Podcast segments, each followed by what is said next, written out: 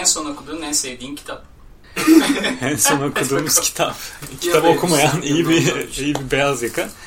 Kitap okumaz. Ee, kitap evet. En son okuduğum Hayır, kitap ne acaba? beyaz yaka kitap okur ama şöyle okur. O onun baş ucundadır. Ee, gece lambasının yanında. 300 sayfadır kitap ve 8 ayda okur. Hmm.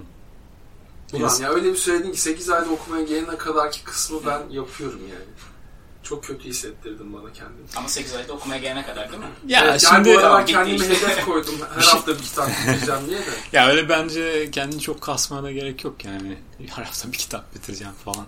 Sonuçta orada senin kriterin ne mesela? Yani şimdi iyi bir göçveren olarak biz bir şeyler sürekli kitap mı okumalıyız yani yoksa Ya atıyorum bu bir sen değil. bir şey Dediğim merak bu ediyorsun, açıyorsun, internetten makale okuyorsun. O Çok sayılmaz mı? güzel O sayılanmıyor mu kardeşim? Bastın. Ee, bu konu hakkında hafta bu hafta içerisinde biraz düşündüm ve şunu fark ettim ki ben aşırı YouTube videosu tüketen ve yani şu hani Z kuşağının yaptığı şey var ya hani bir şey Google'da değil YouTube'da aratma muhabbeti var ya onu yapacak kadar YouTube kullanıyorum. Hmm. Herhangi bir bilgi edinme konusunda ya böyle artık şey aklım almıyor hani. Nasıl söyleyeyim bir şeyi arattım Google'da işte filtreledim filtreledim filtreledim. İşte ondan sonra okudum okudum okudum ve işte gerçek bilgiye ulaştım kısmını artık şey yapamıyorum tam yönetemiyorum ve böyle artık YouTube'a giriyorum aratıyorum. Zaten işte videonun kapağından ve isminden işte clickbait olup olmadığını anlıyorum. Çat diye videoyu açıyorum oradaki bilgileri kontrol ediyorum. Oradan daha fazla oradan yola çıkar çünkü o çok hani böyle rafine bir bilgi. Oradan yola çıkarak biraz daha okumam gerekiyorsa o zaman okuyorum. Ama yine de bu hafta işte okuduğum kitaplardan sonra şunu fark ettim ki bu hafta okuduğum kitaplardan sonra değil de bu haftalarda okuduğum kitapların ağırlığından dolayı bir insan konuşurken biz bu yayında da yapıyoruz sürekli olarak aslında e, nasıl söyleyeyim tekzip gerektiren bilginin doğruluğuna emin olamadığın çünkü çok hızlı konuşup sürekli olarak atıyorum sayısal bir şey veriyorsun ya da işte bir gerçeklikle uyuşmayan bir şeyler veriyorsun ve bunların gerçekten e, nasıl söyleyeyim isabetli olup olmadığı konusunda çoğu zaman da bir fikrin olmuyor. Atıyorum işte bilmem ne şeyine 2000 kişi katıldı diyorsun. 2500 kişi katılmış ama bunu konuşurken çok önemsemeyip söylüyorsun. Ama kitap öyle bir şey değil. Kitap yazıldığı zaman eğer ciddi bir kitapsa bütün bilgilerin kontrol edilip ve hani soğuk bir fazla sana gelmiş ya böyle bir sıcağı sıcağına konuşulmamış. O redaksiyondan geçmiş, birileri kontrol etmiş ve onun sonucunda sana gelmiş. Dolayısıyla kitap çok ciddi bir şey ve öğrenme kaynağı aslında hala gerçekten kitap. YouTube videoları ya da işte internette bulduğun blog sayfaları falan değil. Gerçekten basılı ve senin satın aldığın bir ürünün ciddiyeti var ve o yüzden aslında evet bir şeyler okumalıyız. Hmm. Öyle Tamamen bir şeyle ilgili. ben. Aynen. Yani pff, aynen. Ben Yani de öyle. Bilgi, yani bi- bilgiye erişmeni sağlayan kanalların ne olduğundan ziyade dediğin gibi bu senin metodolojinle alakalı bir şey. Bazen bilgiye hızlı erişmen gerekiyordur. Pragmatist bir sebepten dolayı. O zaman YouTube'u kullanabilirsin çünkü o an o bilgiye ihtiyacın vardır.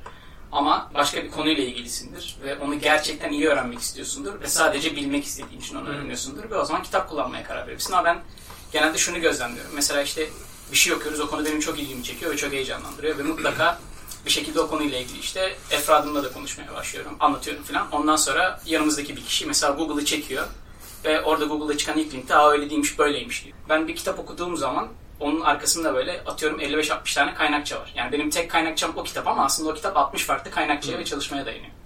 Şimdi Google'da karşına mesela senin onunla çelişen bir bilgi çıktığı zaman benim verdiğim bilgi aslında yanlış olmuyor. Ama benimki yazılı bir kaynak olduğu için ben mesela karşı argüman geliştirirken evet benim kitabım bu, ben bunu buradan okudum. O yüzden de sebebi bu dediğinde hayır Google'da bu yazıyor dediği zaman ve sana bir şey gösterdiği zaman çok fazla o argümanı çürütme imkanı olmuyor onun içerisinde. Dolayısıyla bence bu akıllı telefonların veyahut da bilgiye bu kadar kolay ulaşılabilir olmasının getirdiği böyle bir dejenerasyon da var. Yani kişi senin ağzından çıkan bilgiye çok fazla güvenmemeye başlıyor yavaş yavaş. Oysa ki sen aslında çok daha rafine bir bilgi Ama işte zaten güvenilmemesi lazım ve gerçekten hala bence kaynağın Hayır güvenilmemesi ben zaten hani direkt benimki doğru benimkine güvenilmesi lazım demiyorum.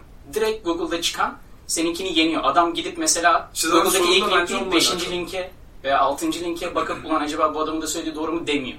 Anladın? İşte- Ben bunu tetikleyemiyorum. Bence sorunun kaynağı zaten bu. O yüzden diyorum hani e, atıyorum kitap okumamız gerekir mi? İşte dergi ok yani yazılı kaynakları okumamız gerekir mi sorusuna böyle cevap vermemin sebebi de o. İnternet bu şeyde geçiyordu işte Be- behavior science kitaplarında bir hot state bir cold state bir sıcak durum soğuk durum diye bir psikolojik şeyden bahsediyorlar. İnsan bir şeyi e, akış içerisinde yapıyorsa bu sıcak bir durum ama sonrasında tekrar geri dönülüp kontrol edilen bir fikri süreç varsa bu soğuk bir durum. Senin sıcak durumda yaptığın şeylerin doğruluğu her zaman yani kaynağın kendisi güvenilir olsa bile sıcak durumda doğru olmayabilir. Buna da şöyle bir örnek vereceğim. Atıyorum senin çok sevdiğin önemli bir bilim adamı dahi YouTube konuşmasında arada yanlış bilgiyi sadece atıyorum e, o an öyle hatırladığı için yanlışlıkla vermiş olabilir. Ve sen onu doğru kabul edip devam edemezsin. Ama biz yapıyoruz bunu ve aslında bilgi kirliliği oradan kaynaklanıyor. Dolayısıyla de, demeye çalıştığım şey şu yani. Biz derken anlamadım. Ben yapıyorum yani atıyorum mesela en son Emrah Safa Gürkan izlerken adam işte Biliyorum tarihleri yanlış veriyor. Aşağıya do- doğrusunu düzeltiyorlar. ya falan. orada kaçırılmış şeyler de oluyor. Ya da mesela geçen şey izliyordum işte.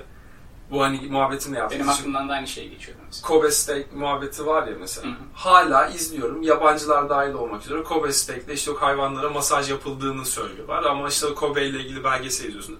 Üreticisi öyle bir şey yok. Bu hayvanın genetiği böyle. O yüzden böyle. Tamam sizin fantaziniz var. Evet yani. Dolayısıyla hani böyle şeyler Galat'ın meşhur olmuş artık herkes tarafından doğru zannedilen şeylerin yanlış olduğunu sadece gerçek bilgiye erişme gibi bir niyetin varsa yapabiliyorsun. Ve bu da genelde yazılı kaynaklarda. Dolayısıyla okumalıyız yani. Ya şeye katılıyorum. Ee, internetten bulduğumuz kaynaklarda böyle bir birbirinden etkilenme, birbirinden kopyalanma mevzu var yani. Gerçekten internette orijinal bir content çıktığı zaman herkes onun üzerine atlayıp kopyalayıp işte onu farklı versiyonlarıyla farklı makaleler türetmeye çalışıyor falan ya öyle bir olay var. Yani bir şeyi özellikle de çok spesifik bir konu üzerine çalışıyorsan bunu daha çok fark ediyorsun. Mesela atıyorum üniversitede falanken çok daha fazla karşımıza çıkıyordu. Belli bir noktadan sonra artık bitiyor yani. Wikipedia bitiyor veya işte internet kaynağı bitiyor yani gerçekten. Çünkü dediğin gibi o konu üzerine çok daha ayrıntılı düşünülmüş, çalışılmış bir çalışma genelde yazılı kaynakta oluyor, kütüphanede oluyor yani. Buna ilgili mesela başka kültürel bir örnek. Bir tane çok güzel takip ettiğim takip edemediğim artık ö- şeyde YouTube kanalı var. Every Frame a Painting diye veya o tarz bir şey.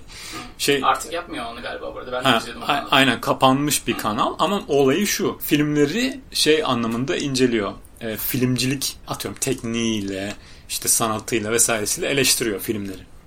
E, genelde kalite filmleri veya işte yönetmenleri bütün filmleriyle vesaire.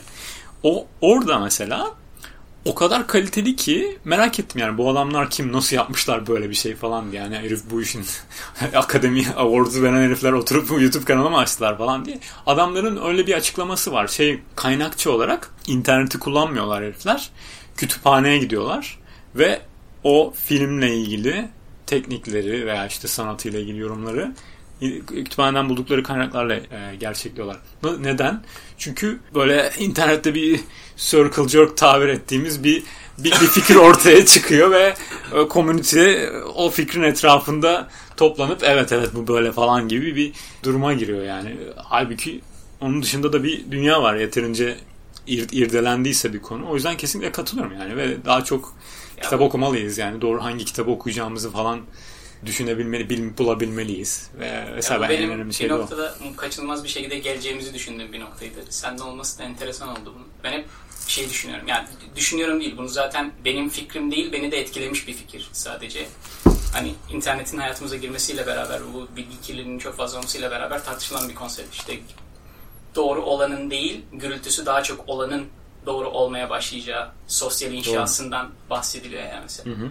Dolayısıyla işte yani gerçek bilgiye erişmek isteyen insanın başvuracağı belli başlı hani çabuk hızlı işte Wikipedia dedin ya mesela onun gibi kaynaklar her zaman mevcut ama bu bağlamda artık bence entelektüelliğin tanımı da biraz değişiyor. Nasıl değişiyor? Yani e, eskiden atıyorum çok didaktik bilgiler veren insanlar veyahut da işte Malazgirt Savaşı ne zamandı işte 1071 falan. Hani bu, bu tarz bilgiler böyle evet kıymetli entelektüel kapsamı içinde değerlendirilirdi ama bence artık entelektüellik de böyle yeni bir şeye evriliyor. Yani örnek vermek gerekirse işte e, Sokrates'in baldıran zehri içtiği tablonun ressamı Jacques-Louis David. Şimdi mesela bu çok ezber bir bilgi. Hiçbir anlamı yok. Bunu Wikipedia'ya açıp bir dakika içinde öğrenebilirsin zaten. Ama önemli olan şey aslında Sokrates'in kim olduğu, Sokratik metodun mesela ne olduğu, bilgiyi karşıdan almak için Sokrates'in kullandığı yöntemlerin ne olduğu ve hala bunun insanlar tarafından kullanılmasının neden önemli olduğu mesela artık entelektüel. sırf böyle e, Yani- Akıttı ya resmen. Şu an florunu çıkarıp kenara koydu yani. Yayından Yok. önce öğrendiklerini hemen şunları Kağıttan okuyor. Ben kağıttan okudu hepsini ya. Tabii hepsini ben yayından önce. E zaten şu an yanınızda okuyorum ekrandan. yani demeye çalıştığım şey şu. Evet evrim zaten içinde bulunduğum bir süreçtir ve devam eder ya. Biz de bunun bir parçası olarak bundan kaçınılmaz bir şekilde etkileniyoruz. Onu hissediyorum yavaş yavaş. O yüzden Ben- de senin sancını biraz anlıyorum. Onu demeye Ama bu çalışıyorum. son söylediğine şuna katılmıyorum. Bence insanlar hep böyleydi. Ama şu an sosyal medya ve işte e, akıllı telefonlar bunun katalizörü olduğu için eskiden hiçbir şey hakkında hiçbir fikri olmadan hayatını geçirip sonra da ölen insanlar artık bir şey hakkında fikri olmaya başladı yani. Yani yoksa aslında o şartlar altında mesela hala sırf Neye şeyi şöyle söylemeye çalışıyorum. Hani artık işte e, böyle bir nasıl söyleyeyim e, bir, bir furya oluştu. İşte en gürültülü olanın en doğru olduğuyla ilgili bir e, kanıya vardı insanlar diyorsun ama ben bunun şu an oluşan bir şey değil. Şu an katalize edildiğini düşünüyorum E, ama bunun canım. öncesinde de öyle Çünkü aynen. şöyle bir örnek vereceğim. Ben Ama bu organik bir şekilde oldu. Yani dediği de oydu zaten. Diyor ya bir makale çıkıyor mesela. O makale popüler oluyor. Daha sonra makaleyle ilgili başka makaleler çıkmaya başlıyor. Ve orada bir gürültü çıkmaya başlıyor. Evet. O gürültü yoğunlaştığı Evet. için tamam ama bu yarı aydın. Başka gürültü. başka türlü de yani eskiden de başka türlü oluyormuş dediğim Hani o gibi. yarı aydın bir gürültü bence. Bir de tamamen cahil gürültüsü olan bir durum var ve bu durum aslında hep olan bir şeydi. Sadece işin yelpazesi çok dardı. Çünkü ben mesela şeyi çok e, izliyorum. Kolunun sadece- uzanabildiği yere kadar çünkü Evet, etkili yani etki atıyorum- etki alanın oydu yani. Yani adam mesela sadece dini çerçeveden bakabiliyor. Çünkü kültürel olarak o aktarılarak gelmiş ve her şeyi dinle açıklamaya çalışıyor. Aynen. açıklayamadığı yerde de yine de realize etmeye çalışıyordu. Şimdi artık işte ne bileyim bir şeyleri monte edebileceği yeni bilgiler gelmeye başladı. Daha doğrusu pseudo bilgiler, işte sözde bilgiler gelmeye başladı.